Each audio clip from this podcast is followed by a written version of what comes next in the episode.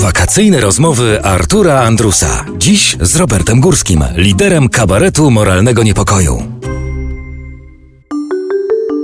To są rozmowy wakacyjne w RMF Classic, dlatego teraz jeszcze tak wprost. Czyli teraz jakaś reklama, co zrobić, żeby komary nas nie gryzły, tak? Być może, być Jakiś może ukłon w stronę komercji.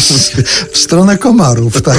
Wprost taki wakacyjny temat chciałbym poruszyć w rozmowie z tobą. Czy ty w czasie wakacji raczej uciekasz od ludzi, czy się garniesz do ludzi? Unikam tłumów, zwłaszcza jeśli ten tłum jest narodowości polskiej. To wtedy to jest najgorszy rodzaj tłumu. To wtedy to nie są wakacje. Tylko ucieczka, przed, ucieczka przed linczem.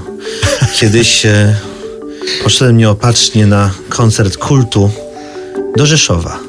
Przeżyłem to straszliwie. Czułem się jak Kaddafi w jego ostatnich chwilach, kiedy ten tłum go rozpoznał, prawie rozszarpał.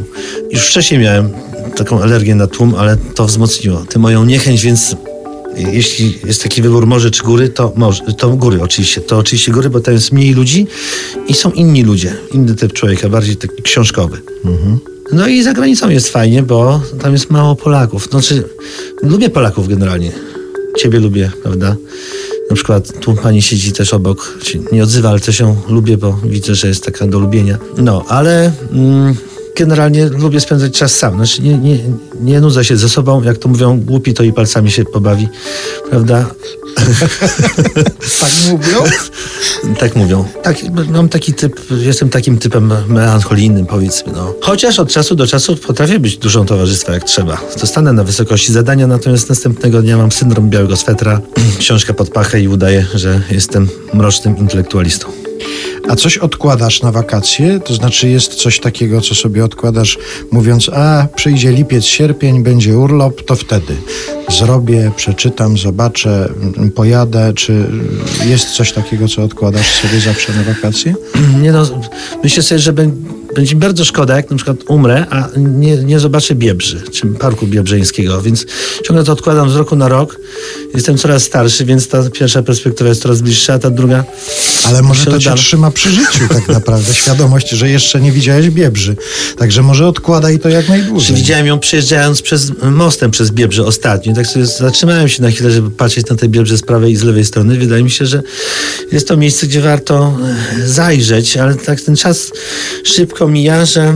Hmm, znaczy pocieszam się, że byłem naprawdę w wielu miejscach. Tak naprawdę kabaret mi to umożliwił, że jeździłem do różnych miejsc nie tylko, żeby występować w nich, ale czasem udawało mi się je zwiedzić. Chociaż ostatnio grałem w Koninie i pani, e, która stała tam na ochronie, spytała mnie, jak mi się podoba Konin. I ciężko mi było się do tego odnieść, bo właściwie no nie znam tego konina. Amfiteatr, tak, i te bloki, które stoją za amfiteatrem. Więc tyle jest miejsc, które człowiek chciałby poznać, a przynajmniej jest ciekaw. Nawet być może się rozczaruje, że ten konin nie jest taki ładny jak w naszych marzeniach, ale warto tak się o tym dowiedzieć po prostu.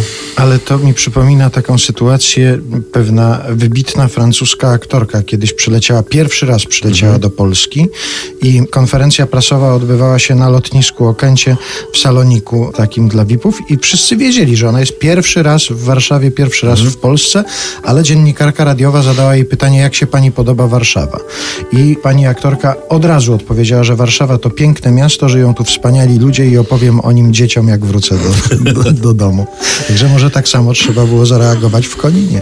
No tak, ale pomyślałem sobie, że pomyślałem sobie o Licheniu. O, byłem w Licheniu, a to jest praktycznie fragment Konina, więc powiedziałem mi, że no, Konina nie znam, ale znam Licheń. No i Robi wrażenie? O, to jest też takie, e, taka furtka, żeby nie powiedzieć, czy jest ładny, czy brzydki, ale tak, robi wrażenie. To na pewno. To na pewno Las Vegas wśród e, polskich krów i polskich zbóż to oczywiście jest coś niezwykłego.